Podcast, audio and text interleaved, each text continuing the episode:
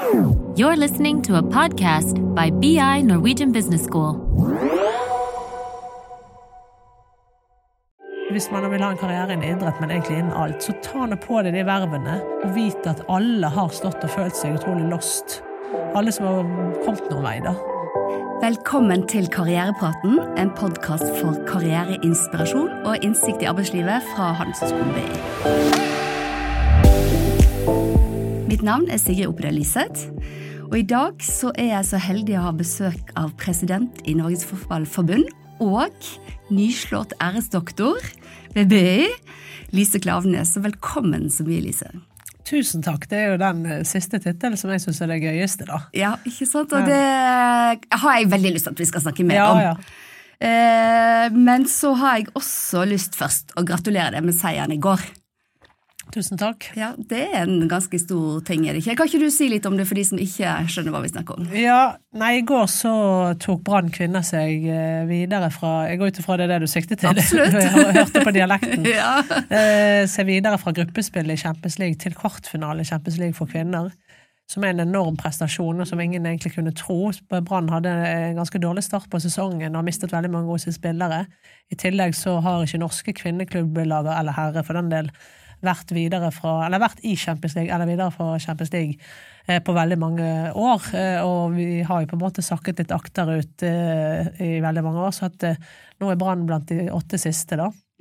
Eh, fantastisk, altså. ja, så uavhengig av dialekten, tenker jeg. Er det Ja, ikke ja, det? jo, absolutt. Det, er Ja. det. Det, det, akkurat det er jo den største sportslige oppturen i 2023. da, Nå skjedde det i 2024, men det at de, eh, det de gjorde i 2023, for alt forarbeidet lå jo i 2023.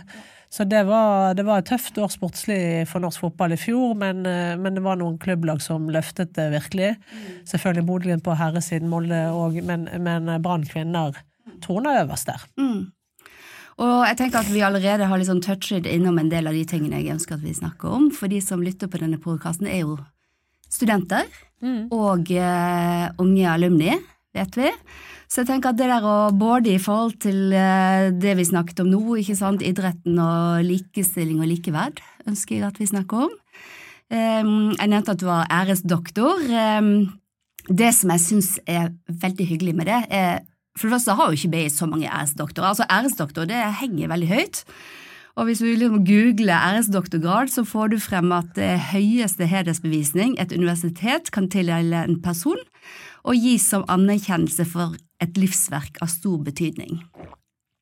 Så for det første så er jo det noe som er veldig høythengende, og det andre som jeg tenker er fryktelig hyggelig, er jo at nå når BI fylte 80 år, så ønsket rektor at studentene skulle få lov for første gang å utnevne en æresdoktor, og da valgte de deg, og det tenker jeg eh, Jeg syns det er utrolig hyggelig, jeg syns det var et veldig godt valg.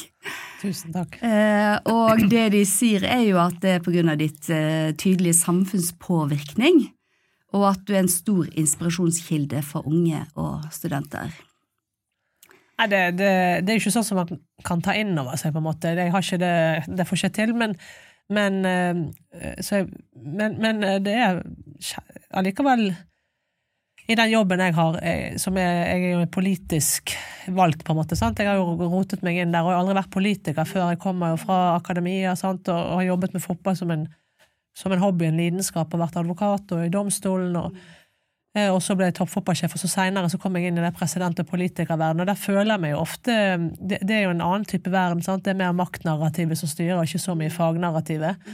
Og i den, i den konteksten der når jeg sånn ukentlig gir opp og tenker jeg passer jo egentlig ikke til dette, eh, så er sånt utrolig motiverende. Ikke fordi jeg, jeg er ikke en person som tar det inn. Jeg syns jo vi alle eh, Jeg, jeg syns jeg sjøl er like mye verdt i dag som jeg var for ti år siden, og jeg har ikke helt det der eh, eh, hierarki inni meg, men det er noe med motivasjon for at de centimeterne man eh, roter med i en, en så kompleks verden der framgang er så vanskelig å måle, så eh, blir det skikkelig dytt en, eller støtte i ryggen at dagens ungdommer og unge voksne syns at det er viktig at vi tar, tar de diskusjonene og fightene, da. Så for meg har det vært i et veldig, veldig vanskelig år eh, politisk. eh, Kjempemotiverende. Jeg er veldig takknemlig for det. Og ikke liksom å stå på scenen og ta det imot, men at, at de har sett det og tenkt det, det, det er jo de som er neste generasjon.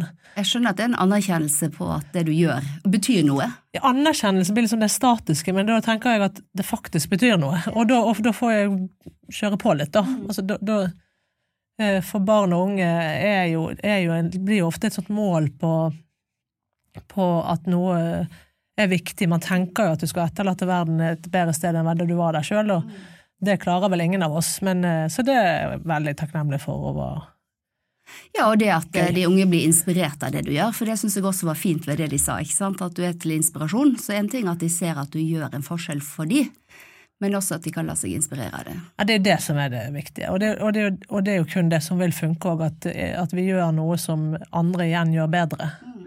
Uh, og det å jeg, jeg, overvurderer ikke den betydningen, men det at de tenker det, vil jo være en selvforsterkende effekt uh, for studentene sjøl, og det det, det, det, var en opptur og, og, og, egentlig en dytt i ryggen da, på, på, på, å fortsette på områder som er vanskelig å måle liksom, tallfestede resultater på.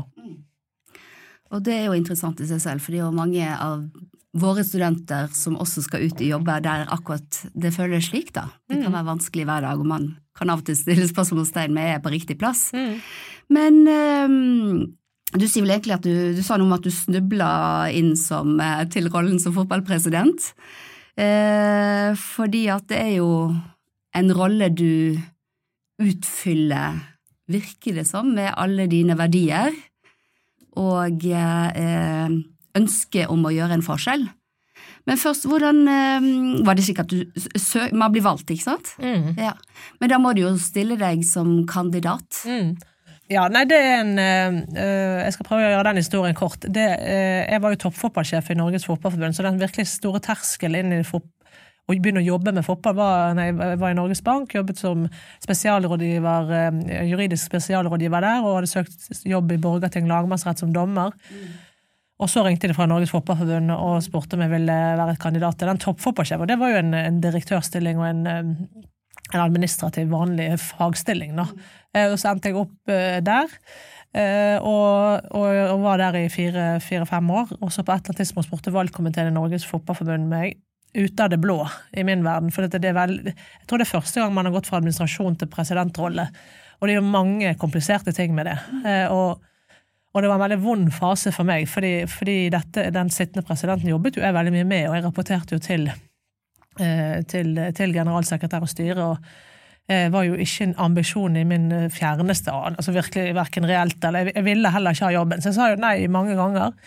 Og fordi jeg, både fordi jeg hadde vært sånn terskel mot det politiske, det hadde ikke vært noe relevant for meg før det, eh, og fordi jeg jo jobbet for, for, sittende president, som skulle gå av, så det var jo liksom greit, men, men det var liksom noe med eh, det, det, har vært et lite skille, det. Så at Presidentene kommer i, i et eget løp utenfra, gjerne fra klubben, gjerne fra medlemmene utenfra, mens administrasjonen der, der er man rekruttert fra ulike fagmiljøer. Så, så det, jeg, jeg, sa nei flere ganger, men det var, det var en i valgkomiteen der som og sikkert flere, da, som hadde bestemt seg for at de ville ha den første kvinnelige presidenten i, norsk fotballs historie, og de ville ha en fra sporten, når det først skulle være, ja, uavhengig av kjønn, egentlig, da, at det, at det skulle være en som ikke kom fra politiske fraksjoner, men som liksom tydelig representerte sporten. Da. Men hvordan er det for deg da å, å, sitte i den stillingen med en annen bakgrunn, høres det ut som, som de som er rundt deg? Ja, det, det, har jo vært eh, egentlig veldig spennende, det. For det, det Når jeg da takket ja, så begynte det Grunnen til at jeg takket ja, var at det oppsto en sånn eh, call to action, eller sånn pliktfølelse. Det var sånn jeg kom inn i det at uh, første kvinne, noen må jo si ja. Så det, ble, det var jo ikke en 'å, dette har jeg veldig lyst til'-følelse. Det var mye mer en sånn 'jeg må gjøre dette'. Uh, men så kommer du over det og så begynner å jobbe, og da blir man jo veldig sånn obs på strukturen i samfunnet. Sånn, det gjør man jo alltid når man bytter beite, kan du si. Da. Så da oppdaget jo frivillighetsapparatet i Norge på en helt annen måte. Jeg har jo visst at de har vært der, men, men da ble jo det en, en mye, det liksom, kom liksom lys på den, eh, den dimensjonen på kartet, da. Hadde liksom lagt det som en greie, men så det var noe igjen at jeg, jeg, fikk et helt annet blikk på Legges ganske mange timer inn fra ja, ja. folk rundt omkring. Mm. Virkelig. Altså, det, det, det, jo, det, var sånn som blåste meg av banen, egentlig. Hvor, hvor, mye det er, hvor strukturert det er, og hvor avhengig vi er av det. og selvfølgelig hvor komplisert det er å drive en organisasjon med 1,5 milliarder budsjett og, og, og, helt kommersielt, samtidig som, som, vi driver Norges største frivillighetsbevegelse. Mm, mm. I ett og samme styremøte. Det skjønner jeg nesten ikke hvordan dere får til. Det er veldig fascinerende, syns jeg. Så Nei, si gjerne mer om det kjempespennende og krevende, og, og, og, ofte blir det jo problematisert, men jeg tenker veldig sånn vi kan jo tenke noen ganger at å, dette er uhensiktsmessig organisering, og vi bruker for mye tid på det og det, men da prøver jeg, og det gjør vi, bare så det er sagt, men så prøver jeg også å tenke ja, men hva er vi da? Vi er jo et bustete troll. Vi er jo en konkurransearena eh, der de beste skal opp og fram. Eh, vi er òg den største frivillighetsarenaen der alle skal med. Eh, fra psykisk utviklingshemmede til, til eh, de aller beste rent konkurransemessig. Da. Vi er òg et forvaltningsorgan. sånn at vi utsteder regler, vi utsteder vi dommer, vi dømmer klubber, vi gir sanksjoner. Vi er et, absolutt en forretning, som forening, forvaltning, forretning, konkurranse. Så vi kan på den ene siden sammenlignes veldig med byråd og liksom det politiske, sant? at du har eh, ordfører og byrådsleder. Sånn kan jeg noen ganger føle at meg og Karl Petter jobber, men, men på den andre siden så er vi rent konsernledelse. Og vi har, vi har 18 eh, ja, 20 datterselskaper. Altså 18 kretser og et mm. sykehus mm. driver vi. Mm, det er et stort konsern. Ja, det er et stort ja. konsern, samtidig som du har denne veldig politiske ja, Men Hva så, syns du om det, da? For jeg tenker at eh, jeg har jo både lest og hørt om deg at du har jo selvfølgelig enorm passion for fotballen. Altså Det er jo noe med fotballen tenker jeg, som skaper enormt mye følelser. Mm, så jeg tipper at når du var liten og jeg leste at du hadde med deg fotballen i senga, så tenkte ikke du på det som en sånn politisk eh, arena, på en måte. Hva, hva tenker du om, om, det nå, da, når du sitter i det? Ja, Det har jo endret seg radikalt. så det, For meg begynte jo fotballinteressen med ballen, sånn som du sier. og, og var, jeg, jeg hadde jo heller hadde en veldig smal inngang. Altså, Han var jo brei inni meg som ungdom, men, men, jeg hadde jo ingen klubb jeg fulgte, eller det var ikke noe Liverpool, eller det var, det var ballen, egentlig. Så jeg begynte jo veldig i, den, i det veldig små, og veldig tekniske. og og litt sånn flukt fra ungdomstiden, tror jeg. Jeg trente så masse sant? og jeg holdt på med den ballen veldig alene. Jeg var jo med et lag, men var, jeg var mitt prosjekt. Og så utvidet det seg til å bli lag og landslag og ambisjoner og sånn. Men, men nå er jo jeg en helt, egentlig en helt annen skål der det handler om, eh, som du sier, maktforvaltning og, og egentlig veldig mye stakeholder management. At det, det, de interessentene vi har, det er jo ikke kunder, de eier alle eh, og føler veldig sterkt eierskap til det, til, og de gjør det òg. Altså, det er jo medlemmene som eier forbundet. og Vi er non-profit-organisasjon, men, men osv. Så, videre. så jeg vil si at det har vært eh, det er kjempespennende å forstå mer og mer, og så er det selvfølgelig noen gang lammende, at du blir litt sånn så du savner jo bare selve spillet, for dette er allikevel det som driver meg. sant?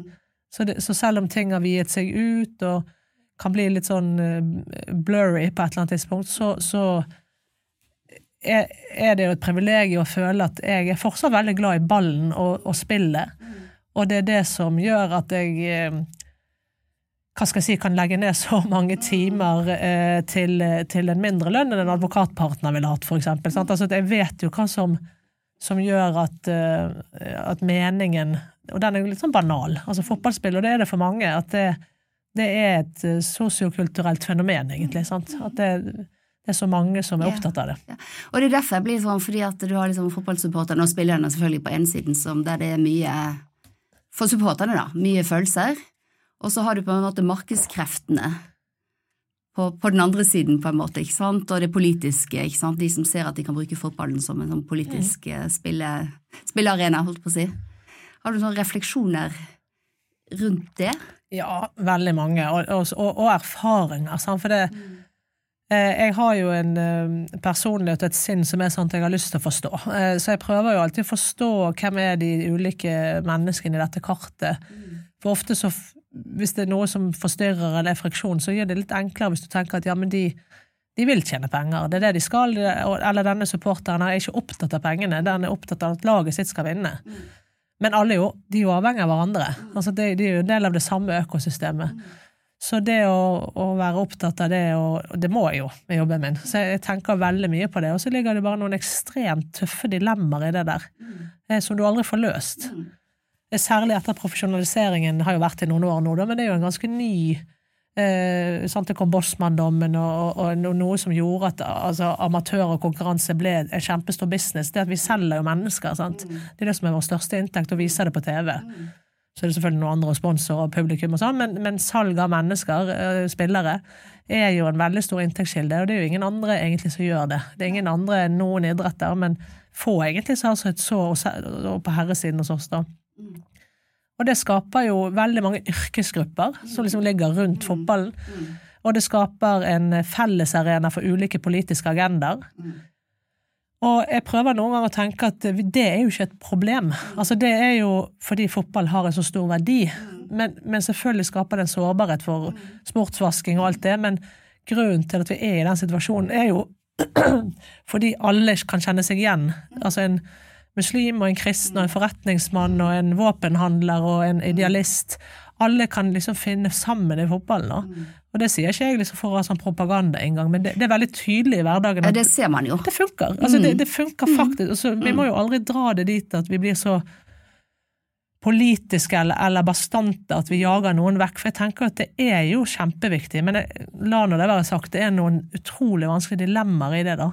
Som um, er det er helt umulig å håndtere. Det er ikke sånn at du kan gå på fredag og liksom Klapp, klapp, liksom, nå har jeg tømt innboksen, for nå er jeg ferdig. Altså, det er jo en sånn kontinuerlig egentlig Det er en tillitsjobb, da, og du skal håndtere ulike Hjelper det å tenke at det er et dilemma som aldri kan bli perfekt? Ja, ja, jeg, jeg må plassere der, for noen ja. problemer vil, vil, du jo løse som i domstol. Sant? Du skal si en dom, og så jeg, jeg, har nok med meg veldig den tankesettet at, eh, at alle problemer i en domstol òg er jo litt uløselig. Du har barnefordelingsakt.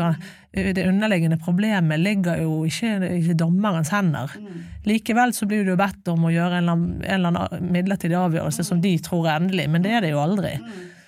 Og det må man jo gjøre så samvittighetsfullt som man kan. Eh, og, Vil det sier at du tar med liksom det du har fra jussen og dommergjerningene inn i denne jobben her, når du tar ja, måten å tenke på, eller hva, hvordan Ja, jeg, jeg, gjør nok det. Det er jo styrke og svakhet, da. Fordi styrken er jo at det er en ganske god metode. Sant? At det der med å tåle at ting blir problematisert, og liksom faktisk ville sette lys på begge sider av saken, og som, som liksom jeg, jeg fyrer veldig på det. Jeg vil liksom forstå og jeg vil liksom gå imot dine argumenter. Hvis du er veldig på en side, så går jeg jo imot, for jeg vil liksom få fram mm, Begge sider, på en ja, måte. Mm. Og så på et eller annet tidspunkt skal du skrive dommen da, og fatte en avgjørelse, som styreleder, og sammen med styret, selvfølgelig.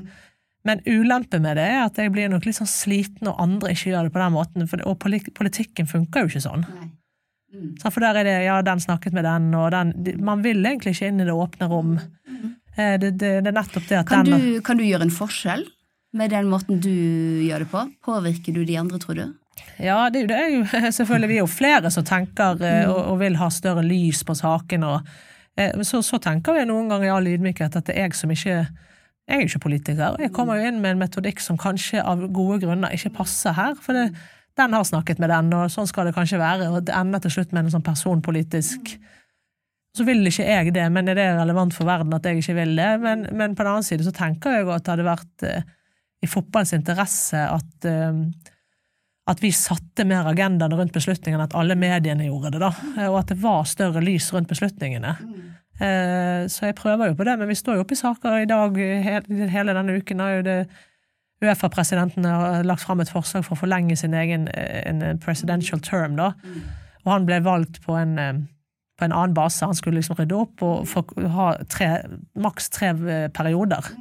Og så har det blitt en, en furore, egentlig, og da, da, merker jeg veldig godt hvordan jeg har lyst til å ringe til mange og få liksom alt opp, og så ta en avgjørelse. Men da, underveis da, så har jo folk Ja, jeg hører at du støtter de, hvorfor du ringte de, er ikke du med oss? Og så, så imens der så har du egentlig blitt dratt inn i en eller annen maktkamp. For vi har ingen annen agenda i Norge enn å faktisk uh, stemme på det rette. Jeg har jo ikke noen ambisjon om å bli Uefa-president, eller jeg har jo ikke noe Skiller det deg fra noen andre, eller hva tenker du? Ja, det du? tror jeg ja. egentlig. Ja.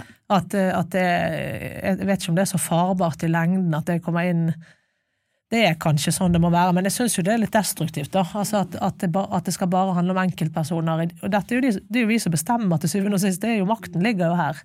Og så skal det liksom alle innspill tolkes som favør eller disfavør av et menneske. Mm.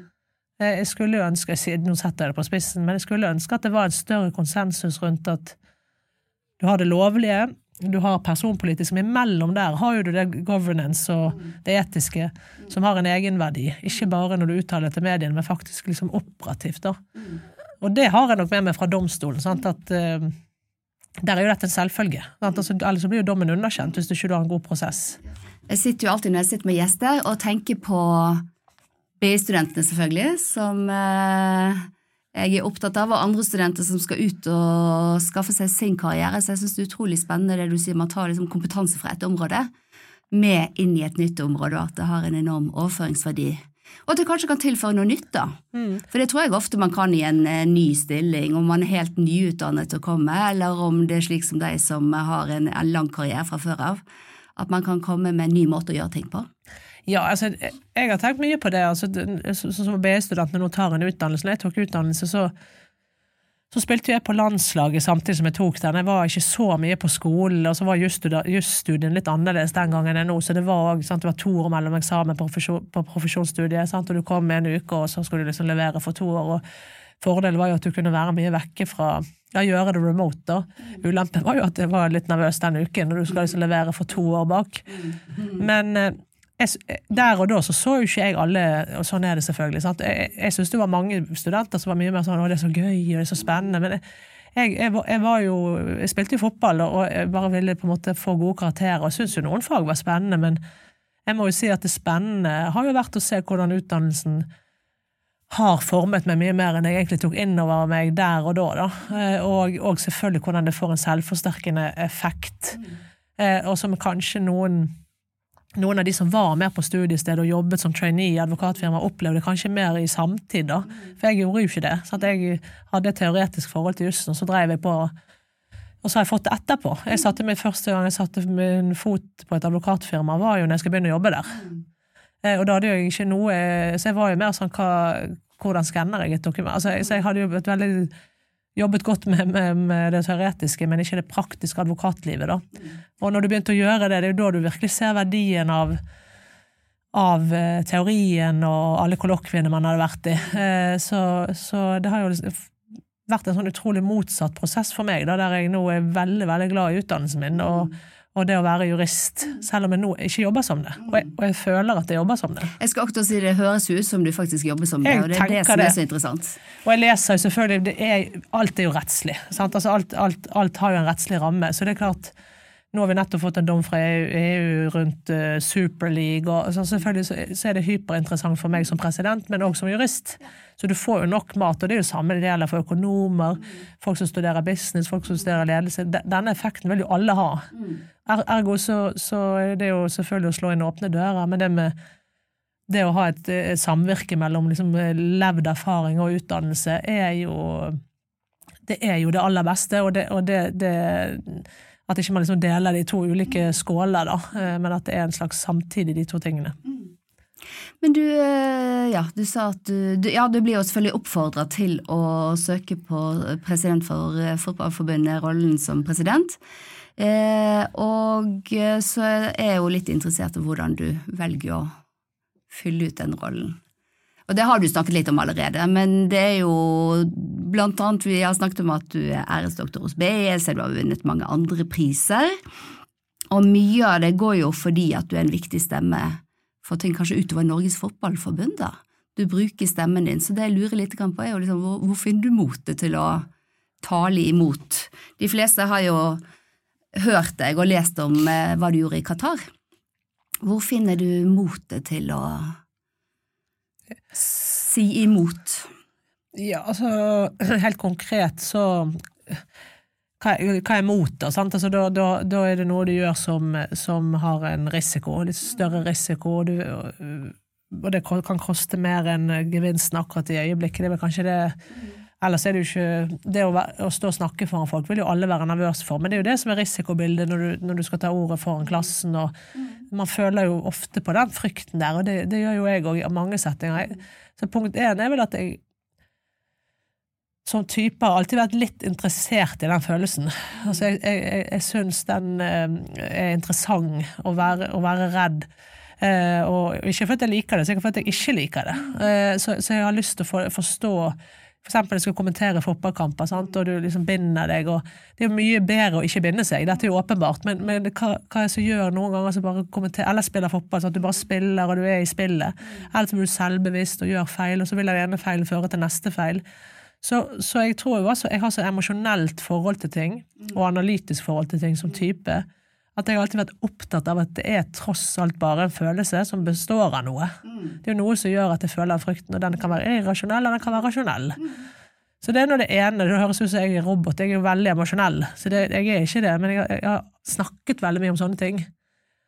Før Qatar og før president i hele mitt liv. Altså, jeg, har vært så nervøs når jeg skal spille fotballkamper. Jeg har tatt så mange straffer jeg har bommet på. Jeg kjenner at jeg bommer jo fordi at jeg binder meg. Altså jeg, så jeg har ikke vært en sånn happy go lucky-person. Jeg har liksom måttet uh, Og så er jeg nok interessert i å ikke feige ut, da.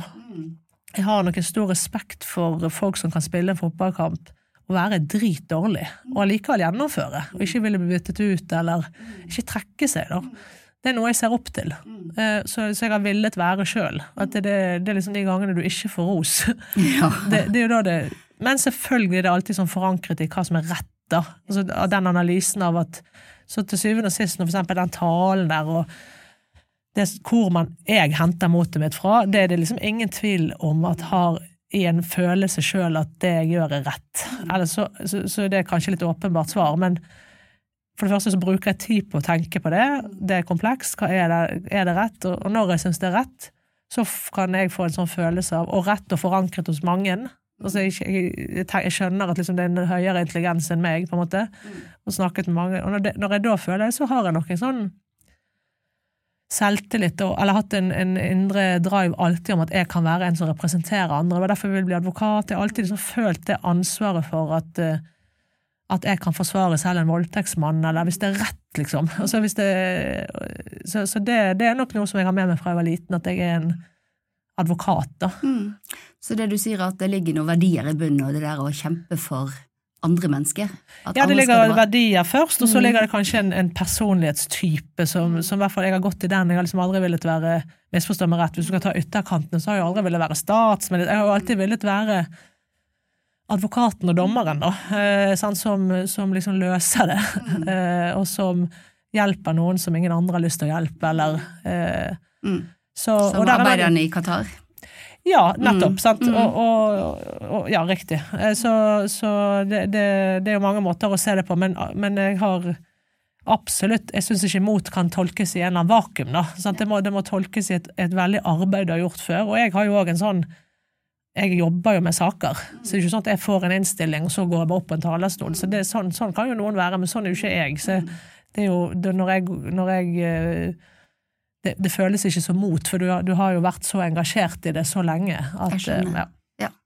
Så det er ikke der og der, men det er rett og slett en, en eh, materialisering av en lang prosess? Ja, det er det. Som når studenter spør meg om råd, eller eh, så, så, er det jo alltid vanskelig å svare på det, for vi jo alle er jo studenter. Sant? Vi lever jo livene våre på en eller annen vei hele veien. Men samtidig så har jeg levd lenge nok i den type frontposisjoner til å skjønne at det rådet jeg har lyst til å gi da, er at du, du, må være lidenskapelig opptatt av det du driver med sjøl. Altså de folkene og, og, den saken. Hvis ikke det, så, så du kan ikke liksom gå inn og plutselig bare engasjere deg for homofili. Du må gjerne gjøre det, og du kan jo ha et verdi. Jeg òg gjør jo det å retweete ting som jeg ikke kan så godt, men syns virker spennende. Men de tingene du virkelig kan endre noe på, det er jo de du kan godt sjøl. Du har lest mye om det sjøl. Du har tatt det bryet med å gå inn å lese det du får på mailen, og, og, du, og du, stiller spørsmål tilbake. Det der mm. forsto jeg ikke. Mm. Tenker du at du har mer gjennomslagskraft hvis du Jeg tenker i hvert fall at det er for meg helt nødvendig for å kjenne at jeg står oppreist inni meg sjøl. For alt det andre kan jo du lese deg til, og du sier jo bare noe overfladisk uansett. Men da vet jo jeg sjøl at det jeg mener det er en essens av noe jeg vet er komplekst, og den kompleksiteten kan jeg. Så, så, for meg er det Men selvfølgelig, der er vi ulike, og folk syns jo i min organisasjon at jeg er veldig operativ. Sant? Og det, det er jo mange måter å jobbe på. Men jeg finner jo helheten fra detaljene, da, for å si det sånn. Det syns jeg er fint sagt, eh, at man kan gjøre det. Ja. ja. Men du ehm, Er det noen ganger man ikke skal eh, stå opp for meningene sine? Selvfølgelig, og det, det er jo det som er det vanskelige. Sånn. Eller eh, noen, det er jo noen ganger meningene mine vil jo alltid være veldig biased. Så det er jo av den grunn veldig gode grunner til å lytte til flertallet og et press på hvorfor man skal eksempel være mer tålmodig eller mer forsiktig, eller selv om det kan føles veldig som belittling eller begrensende. Og jeg er jo i de situasjonene veldig ofte, for jeg har jo et veldig sånn jeg har jo fra jeg var liten, og der, vi er jo forskjellige. Jeg har alltid hatt veldig behov for å Jeg føler veldig sterkt når, når Både når jeg ikke forstår noe, og hvis noen blir behandlet urettferdig, eller Så det er ikke noe sånn ideal. Det er rett og slett bare en emosjonell Den typen er jeg, da. Med dyr, ikke minst. Veldig mye med dyr. Da må jeg liksom si fra og hjelpe og det, ja. Eh, men det er jo noen ganger det, denne veldig lille pikselen du står i, og den empatien du føler, sånt, ikke, det har ikke sammenheng med den plattformen, den scenen du skal si dette på, eller det er noe du, annet du ikke har forstått. Så jeg må jo veldig ofte Jeg sier jo tross alt mye mindre enn det jeg har lyst til å si.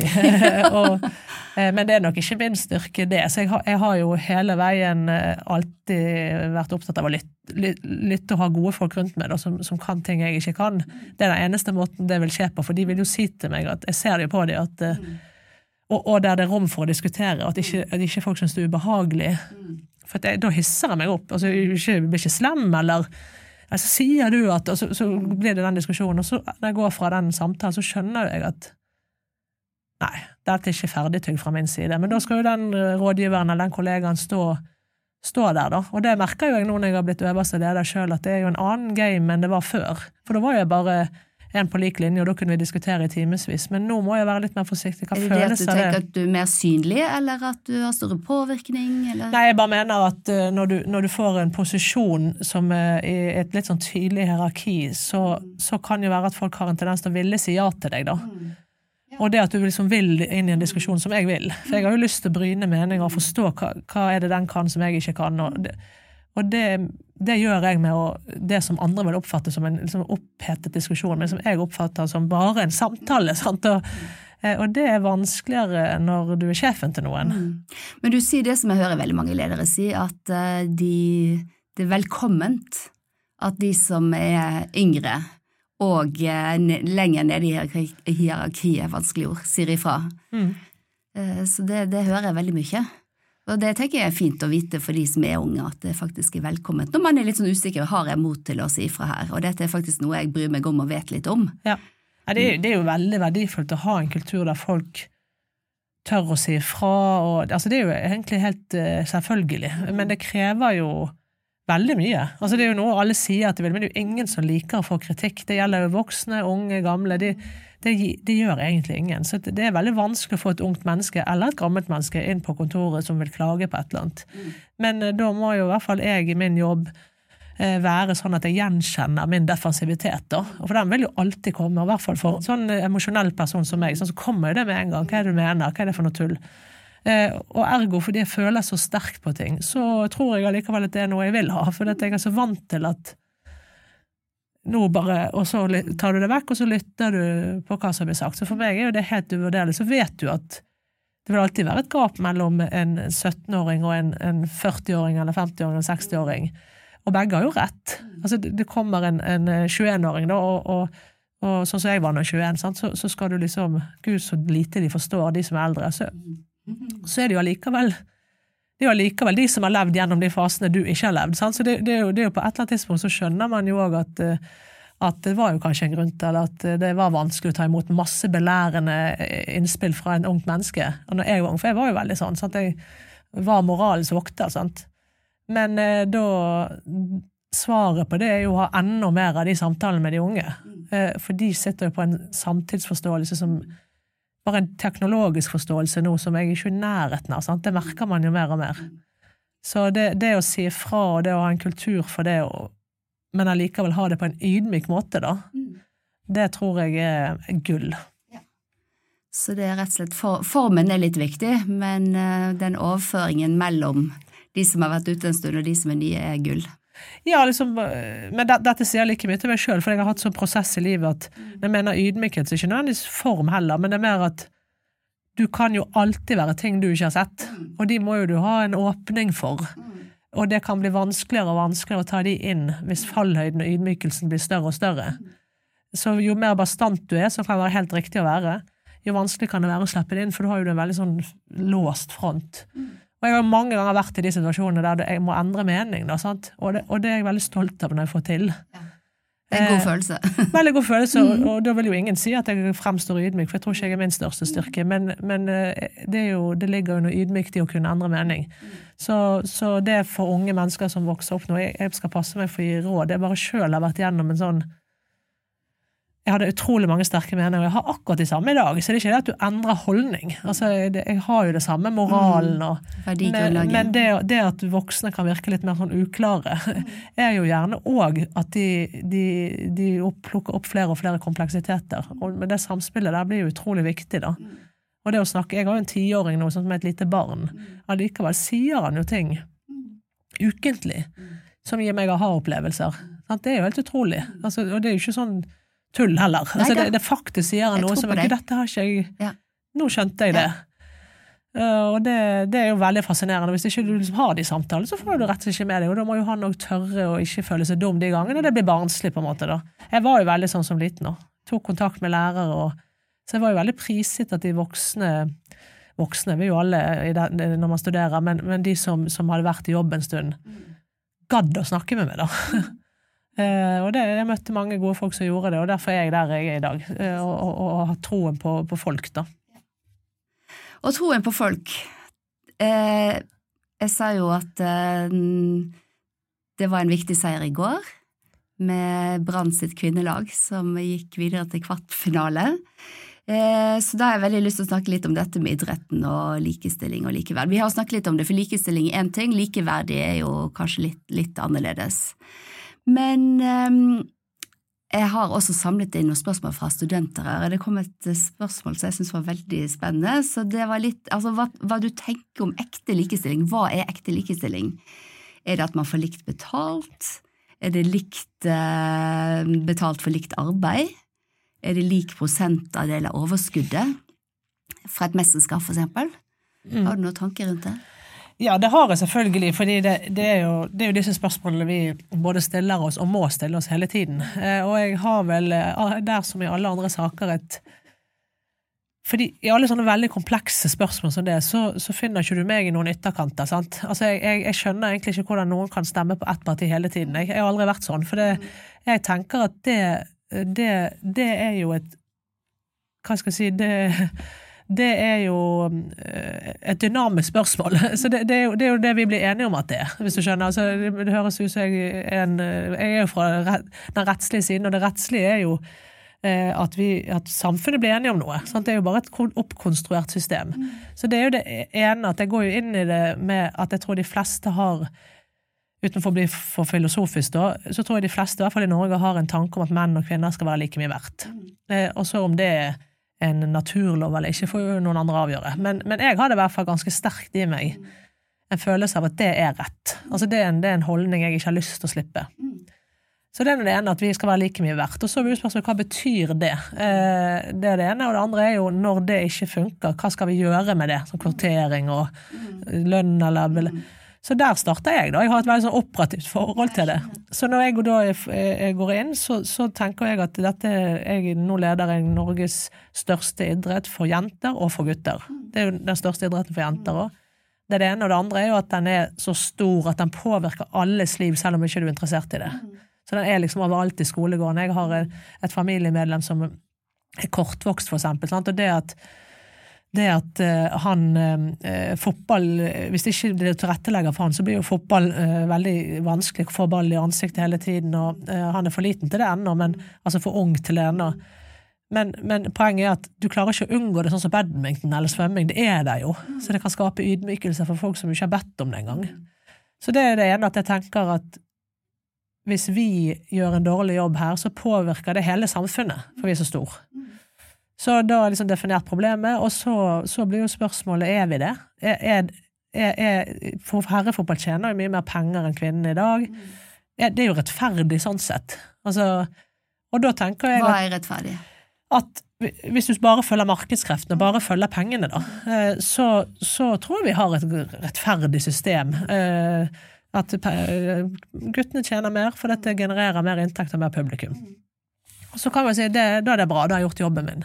Men så vet jo jeg fra mitt mandat og fra ting at det er ikke sånn. Det, det, folk er ikke enig i det. Vi skal prøve for det første å løfte markedsinteressen på jentesiden. Mm. Som dere har gjort. Uh, Ja, det jobber vi veldig mye med, men det er Mm. jo ikke bare et vakuum, det er jo også fordi man vil ha en slags likhet.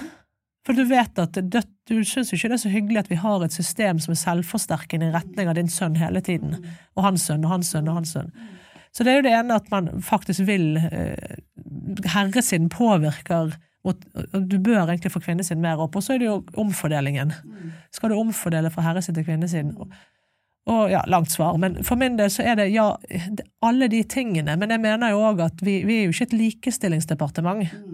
Min jobb er jo ikke å ta penger fra herresiden og så gjøre det helt likt, sånn at herresiden For den konkurrerer jo mot mye større økonomier igjen. Så for meg er det eh, en kjempestor analyse som vi må prøve å holde i gang. Hva kan du gjøre av omfordeling eh, eh, fordeling, eh, og regulering eh, som ikke tar ned konkurransekraften til guttene våre? Mm. Ja, for det er jo et bilde i det også. Veldig Veldig viktig, sant? for den, der har jo markedet kommet mye lenger. Og, og skal jo også, vi skal jo òg vinne fotballkamper, og vi skal jo òg være der for de som har de største ambisjonene. Så ref det vi begynte med, med uløselige di- dilemmaer, da, så er dette ett av de. Og, og vi prøver hele tiden å å delta i politiske debatter som gjør at vi finner tidsånden som gjør hvor langt kan vi, kan vi og skal vi gå, og så vil jo konkurransen gi sine brutale svar. Vi er jo ikke gode på herresiden, så det er jo ikke sånn at vi, ikke sånn at vi har altfor mye penger der. Det, svaret der er at den er ganske fattig i forhold til konkurransen. Så likestilling for meg er en jobb, er, på, er svaret mitt. Og, og likeverdet ligger i at jeg Og der er jeg ganske brutal. Eh, vi må bruke like mye tid på begge deler. Det må være like viktig for meg. Og det mener jeg òg guttesiden. Jeg er ikke en, eh, ja, det skal være ca. 50-50 over en uke, da. Og for min del er det det. Hvis du har en foilsett med bilder, så skal det være helt selvfølgelig at det er En gang er det kanskje mer fokus på Ståle og Erling av noen grunner, men, men, men det skal være likt, og det skal ligge i organisasjonen at du, at du bruker like mye tid på det. Men ellers er det en jobb å finne ut av hva er det virkemidler vi kan få. For vi kan ikke knipse i fingrene og få det likt. Nei, så det høres ut som dette er liksom en prosess. Det er ikke noe som løses over natten, selvfølgelig. Nei, men, vi, men, men at vi skal være endringsagenter. Og inn, Så det er liksom både at konkurransene lever hver sine liv og respekterer det, men at det samtidig er sånn at herresiden kan holde kvinnesiden nede uten at noen vil det. Og det må vi prøve å motvirke. Så, så jeg vet ikke om det ga noe mening, men det er jo noe jeg bruker utrolig mye tid på, da, og, og vi. Eh, og, og for eksempel i forgårs eller noe, så var jeg med på et fantastisk arrangement med noen uh, unge barn som, som ikke hadde så lett i Oslo, som var, med, var på besøk i, på Ullevål. Eh, bare veldig, veldig bra arrangement. Og fikk besøke garderoben, og fikk besøke landslagstrener, var på herre- og kvinnesiden. Så har vi en video da, som er bare fra herrelandslaget vårt med musikk, og som alle vil jo bare vel. Sant? Det er jo bare en bra greie, og det er jo Erling du gjerne tenker på. Men for meg er det litt sånn, det, det, da får jeg med en gang et veldig behov for å Dette er jo neste generasjon, og det, vi ha, vi, det er vårt ansvar da at den de skulle vært presentert for forbilder som kan når Haaland vises, så bør det egentlig vises også noe fra kvinnesiden. Ja, og så kan du si det blir liksom prippent, men det, mener det, det, det mener jeg ikke skal undervurderes. Det koster Nei, det ingenting. betyr nok noe, tenker jeg. Ja, og det koster gang, ingenting, sant? Ja. Og det, det, det, det, men det koster jo mer enn man tror, for at du skal endre en hel Eh, Så sånne ting, der er jeg ganske bastant, da, at det, det må være litt likt eh, for å gi den neste generasjonen sjansen, da. Og så har jo jeg, du er jo et forbilde på den, det området også, tenker jeg, som er kvinne i et manns, tradisjonelt mannsdominert miljø. Men jeg har hørt du har sagt at du aldri tenker på det at du er kvinne. Jeg har hørt du får det spørsmålet, ikke sant, hvordan er det å være kvinne i et mannsdominert miljø? Og jeg mener jeg har hørt at du sier at det tenker jeg aldri på. Mm. Jeg tenker aldri på det. Jeg tenker, altså, jeg tenker jo på det i, eh, teoretisk. Sant? Altså, likestilling og alt det vi snakker om, tenker jeg enormt mye på, og jeg er med i veldig mange debatter og alt sånt, men, men jeg, jeg sitter ikke sjøl og føler at det stilles andre krav til meg, eller eh, at, at jeg, når jeg snakker med Carl Petter som generalsekretær, at vi at vi representerer to ulike kjønn. Vi er jo to veldig gode kollegaer. Jeg syns han gjør en formidabel jobb. Og han, men han, har jo også et veldig, vi har, han er jo like opptatt av kvinnefotball som meg. Så, så, så vi har jo dette Jeg trenger ikke Det er ikke noe konflikt? du-. Nei, det er ikke noe konflikt. Mm. Og da, så det har jeg tenkt mye på Når jeg er ute i Europa, tenker jeg mye mer på det, sant? for da er, jo- da er det jo mange strukturer som holder kvinner nede. Og, det, og det, da blir du veldig bevisst på det. Og du blir jo òg veldig sånn eh, redusert eller løftet. Det får jo noen andre vurdere til å liksom være den kvinnelige representanten. Og det det har jeg bare, Sånn er det. Altså jeg, hvis jeg er den første der, så, blir, så må jo jeg bare forholde meg til Jeg kan ikke knipse og bestemme at jeg skal være som en mann. Altså Da er det sånn. og da har jeg lyst til å Men hjemme i Norge så må vi har kommet så langt, selv om det kan være bare menn i et rom, så, så tenker ikke jeg på det. Så selvfølgelig så har jo jeg òg vært i denne jobb i fotballverden i 20 år, da. Så, så, så det er jo noe med at alle vet min rolle i det. Så jeg undervurderer ikke det. Men det Nei, men jeg tenker det er jo et mål, tenker jeg, at det ikke har noe betydning. Det er absolutt et mål. For det som da skjer, er at du blir opptatt av faget, du blir, du, du, du blir opptatt av ballen og gresset, da. Du blir ikke selvbevisst. Det er veldig viktig. For det er ingen som Ja, så det, det, der har vi kommet eh, langt i Norge, og så må jeg passe meg for mine egne blindsoner, fordi jeg har vært der så lenge. Så det kan jo være at for en annen dame som kommer inn og er liksom alene kvinne i rommet, så vil det være en mye mer tydelig forskjell. Men jeg har vært vant til det i så mange år. Og dette er jo en karrierepodkast, så da lurer jeg jo litt på om du har noe råd til den kvinnen, da, eller jenten, som kanskje ikke har vært like lenge i eh, idretten som du har, eller iallfall ikke i det politiske biten av det, organisatoriske. Har du noe råd til andre som har lyst til å gjøre en karriere innenfor idretten? Må man eksempel ha vært idrettsutøver selv? Nei, altså jeg har jo vært det, og det har vært uh, viktig for meg. Men, men mange av de viktigste medarbeiderne jeg har, uh, har ikke det.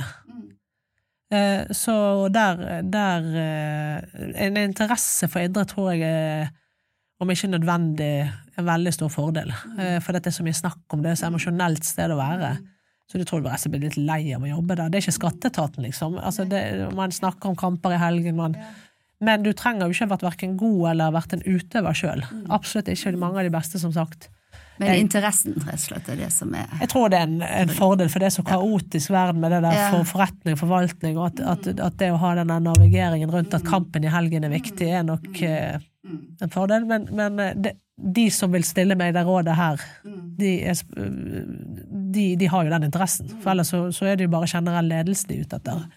Så det er det ene. Og det andre er om det er kvinner eller menn, det, vi, vi, vi, det er en kjempespennende arbeidsplass å være. Jeg syns jo det var ufattelig spennende å være advokat og jobbe i domstol òg, så det jeg er jo kanskje ikke den rette. Jeg tenker jo at eh, alle jobber har, en, har et veldig Og du hadde jo en interesse for det også, tenker jeg. Så det er jo tilbake på dette med interesse som liksom ledestjernen da, for hva man har lyst Ja, til å det er det. Mm. Men, men jeg tror kanskje at når du er student, og du tar utdannelse, og du er liksom i den overgangen fra ungdom til voksen, eh, og, og du leter etter deg sjøl, og du skal finne kjæreste og- altså, så, så den tiden er jo helt ekstrem, liksom. Sant? Det er jo en veldig sånn dannende barndomsrom, vi skal liksom falle helt vekk, og det, det er jo veldig sånn sårbar eh, Det har vi jo hele livet. Men den er kanskje litt spesiell. Jeg tror de fleste av oss husker ungdomstiden ganske godt. Ja, det er en overgangsfase. Ja, og da har, da, har man, jo- da har jo de færreste et veldig sånn klart bilde av hva man vil, rett og slett fordi man har jo ikke opplevd det. Og da kan man jo føle seg litt sånn hul, og alle andre vet hva de vil, og jeg vet ikke hva jeg vil, og de er interessert i spennende musikk, og jeg vet ikke hva jeg Men der tenker jeg at for det første så kan du opparbeide deg interesse for noe. Altså du, Hvis du kjenner på den manglende motivasjonen, så kan man bestemme seg for at uh, uh, jeg, skal, jeg skal opparbeide meg interesse, og det skjer jo med en investering av tid og, og, og fallhøyde og, og ta på seg verv, og på et eller annet tidspunkt så finner jo du den å leite litt i blinde, tror jeg Det har i hvert fall jeg gjort veldig mye, og jeg må si at det er utrolig mye med den jobben jeg har som jeg syns er helt meningsløs for min personlighet. Som, er, jeg, som ikke styrer så mye av det maktnarrativet, for eksempel. Hva gjør jeg her da, liksom? Hva er poenget? Og vi får se hva framtiden bringer, men jeg syns jo det er veldig verdifullt å forstå det. Forstå dette med styreverv. Eh, så jeg merker at min interesse etter hvert er jo i å forstå maktforholdene og analysere de. Så den der eh, ungdomsfasen jeg, skal ikke gi noe annet råd enn å liksom, tørre å stå, eller tørre å stå, men når man kjenner på den der og du er trøtt og jeg interesserer meg egentlig for ingenting, så gjør jo alle det. Det er ikke sikkert alle er ærlige om det. Altså, alle har jo det på et eller annet tidspunkt. Eh, og, og energi, flat energi, lar seg jo påvirke. Selvfølgelig med trening og sånn ren endorfinproduksjon, da, men òg mellom å tørre å si ja til oppgaver du ikke aner hva er, og da føler man seg jo veldig lost i starten, og da kanskje du ikke forstår de sosiale kodene, så, så det får vel være rådet, da, at hvis man vil ha en karriere innen idrett, men egentlig innen alt, så ta nå på deg de vervene, eh, og, og, og vite at alle har stått og følt seg utrolig lost. Alle som har kommet noen vei, da. Og de har jo nettopp på en måte latt den følelsen gi en erfaring som gjør at du neste gang, kanskje på neste gang skal avtale med noen, at jeg eller ta en lunsj med noen så vi aner hva denne styrelederjobben i denne klubben egentlig innebar. For dette er jo veldig mange som har hatt det før, eller om det er trener i en klubb, eller daglig leder, eller Og så det siste er jo at akkurat idretten er veldig spennende, fordi den, den kobler forretning Altså det som er vanskelig med den, er jo det som òg gjør at den er ganske besettende. At den kobler. Så det, det, å få flere kvinner inn Jeg er helt sikker på at kvinner ville elsket å jobbe i dette hvis, eh, hvis man klarte å svare bedre ut hvordan man skal få trygghet økonomisk gjennom livet, eh, anerkjennelse og selvfølgelig familie. Altså, kvinnen har jo det, vi, vi, må jo bare si det som det er. Det, det ender jo fort med at restansvaret for eldre, foreldre og barn, det, det, ender veldig ofte hos kvinner. Eh, uansett hvordan man Det har jeg sett. Og vi, det, når vi skal ha flere kvinnelige trenere inn i vår bransje, så må vi jo Vi ønsker jo flere, vi kan ikke gjøre noe med det. Så vi ønsker jo at de skal svare ut hvordan de kan eh, være gode mødre og fedre, selvfølgelig, eh, ved å ha denne trenerjobben som innebærer kamp hver helg. Det fins Vi må rett og slett løse det der operative der, da. Eh, ja. Men du, jeg syns det var en veldig eh, fi, fine råd å avslutte denne praten med, så jeg merker meg jo veldig dette du sier at det, men det er ikke om man ikke har en brennende interesse, interesse er viktig, men det er faktisk mulig å skape seg en interesse og gå inn og være nysgjerrig og, og finne det ved det. Og at det kan være en ledestjerne for å gå videre i alle mulige karrierer. Ja. Og også det å si ja til ting. Ja, det er akkurat det. Mm, det er... Og det som står i den der eh, Limbofølelse er jo det verste, sant? den der å ikke føle seg hjemme noe sted. Og, det, og, og, du har jo ikke noe valg, du må jo stå i den, men, men kanskje den der råd eller erfaringen min er at det ligger veldig mye nyttig der. Så hvis du prøver hele tiden å unngå den, så vil du verken finne en interesse.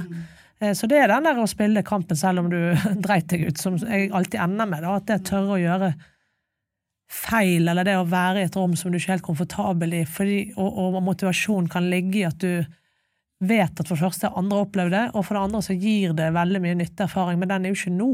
Den kommer jo etterpå. Du må liksom bare komme deg gjennom kampen, og der syns jeg fotball blir en god metafor. For det, det, er helt jævlig å spille en kamp der du kjenner at du er tung i beina, det stemmer ikke. Jeg blir sikkert byttet ut snart, for at alle syns jeg at jeg er verdens dårligste. Men jeg skal ikke be om å bli byttet ut. Jeg er ikke den. Jeg, jeg, jeg, jeg spiller denne til, til, jeg blir bedt, og da går jeg av.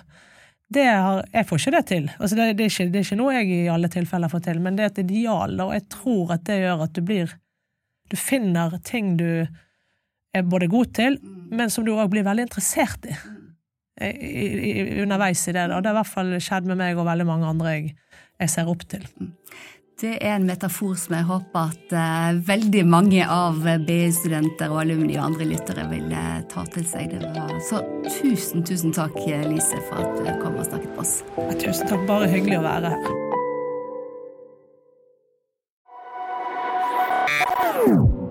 This is a BI production. Listen to more podcasts. Go to bi.no slash podcasts.